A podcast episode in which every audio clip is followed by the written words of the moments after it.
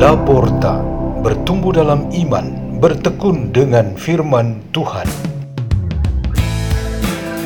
Radio Laporta, pintu terbuka bagimu untuk pertumbuhan pengetahuan dan kebijaksanaan tentang Allah.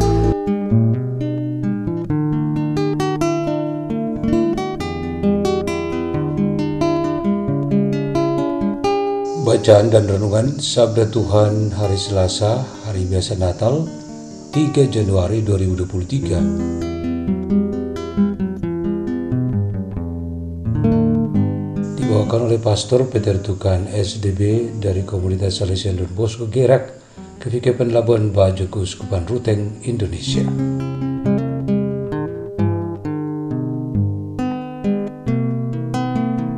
Inilah Injil suci menurut Yohanes bab 1 ayat 29 sampai 34. Ketika Yohanes membaptis di sungai Yordan, ia melihat Yesus datang kepadanya. Maka katanya, Lihatlah anak domba Allah yang menghapus dosa dunia. Dialah yang kumaksud ketika aku katakan, Sesudah aku akan datang seorang yang telah mendahului aku, sebab dia telah ada sebelum aku. Aku sendiri pun mula-mula tidak mengenal dia, tetapi untuk itulah aku datang dan membaptis dengan air, supaya ia dinyatakan kepada Israel. Dan Yohanes memberi kesaksian katanya, Aku telah melihat roh turun dari langit seperti merpati, dan ia tinggal di atasnya. Aku pun sebenarnya tidak mengenalnya, tetapi yang mengutus aku untuk membaptis dengan air telah berfirman, Jikalau engkau melihat roh turun ke atas seseorang dan tinggal di atasnya, Dialah itu yang membaptis dengan Roh Kudus. Dan aku telah melihatnya, maka aku memberi kesaksian, dia inilah anak Allah. Demikianlah sabda Tuhan.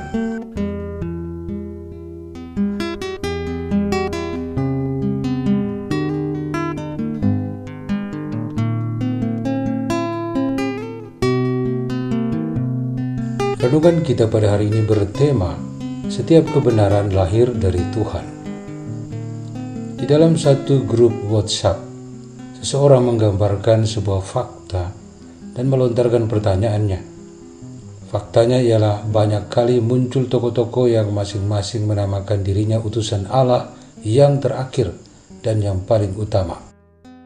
Pengakuan diri mereka cukup menghebohkan hampir seluruh dunia. Masing-masingnya menyatakan diri yang paling top dan memakai nama Tuhan yang Maha Tinggi. Hal ini berarti posisi dan peran Yesus Kristus diganti. Sehingga ia mempertanyakan, Natal sudah menjadi perayaan semua orang. Bagaimana bisa menghilangkan ini? Kalau Yesus Kristus diganti, perayaan Natal dan berlakunya tahun Masehi akan menjadi seperti apa? Terus terang, pesan dan pertanyaan WhatsApp seseorang itu tidak cukup menarik.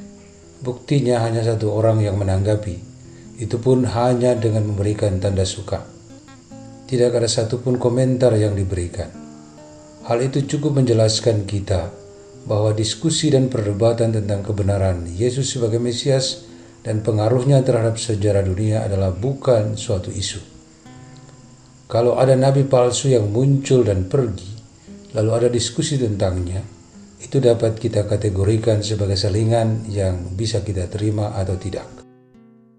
Dengan kata lain, menurut surat pertama Yohanes dalam bacaan pertama hari ini, setiap kebenaran yang kita anut dan kita jalani di dalam kehidupan seorang beriman seharusnya lahir dari Tuhan.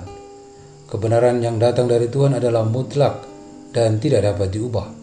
Yesus Kristus telah lahir lebih dari 2000 tahun lalu dan tidak bisa ada Yesus Kristus yang lain lagi. Semua orang yang muncul setelah Yesus tidak dapat menggantikan posisi Yesus sebagai Tuhan dan Mesias. Nabi yang terakhir ialah Yohanes Pembaptis dan setelah dia adalah Yesus. Yesus Kristus sebagai Tuhan dan penentu sejarah dunia ini memang tidak terbantahkan.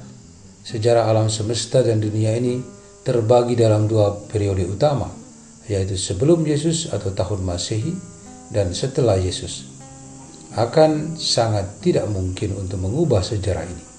Maka kita akan kembali terus-menerus untuk menjadikan firman Tuhan yang diwartakan dalam Injil hari ini sebagai pegangan utama dalam mengisi hidup kita hari demi hari. Pegangan utama itu ialah apa yang menjadi kesaksian Yohanes Pembaptis tentang Yesus Kristus. Ia adalah Tuhan dan Anak Allah. Darinya lahir semua kebenaran yang dunia ikuti dan setiap orang yakini. Meskipun dunia ini akan selalu memunculkan penemuan dan perkembangan baru, semua itu akan selalu dihubungkan dengan kebenaran Tuhan Yesus Kristus. Marilah kita berdoa dalam nama Bapa dan Putra dan Roh Kudus. Amin. Ya Yesus, jadikanlah kami umatmu yang setia dan teguh pada kebenaran darimu. Kemuliaan kepada Bapa dan Putra dan Roh Kudus, seperti pada permulaan, sekarang, selalu, dan sepanjang segala abad. Amin. Dalam nama Bapa dan Putra dan Roh Kudus. Amin. Radio Laporta pintu terbuka bagimu.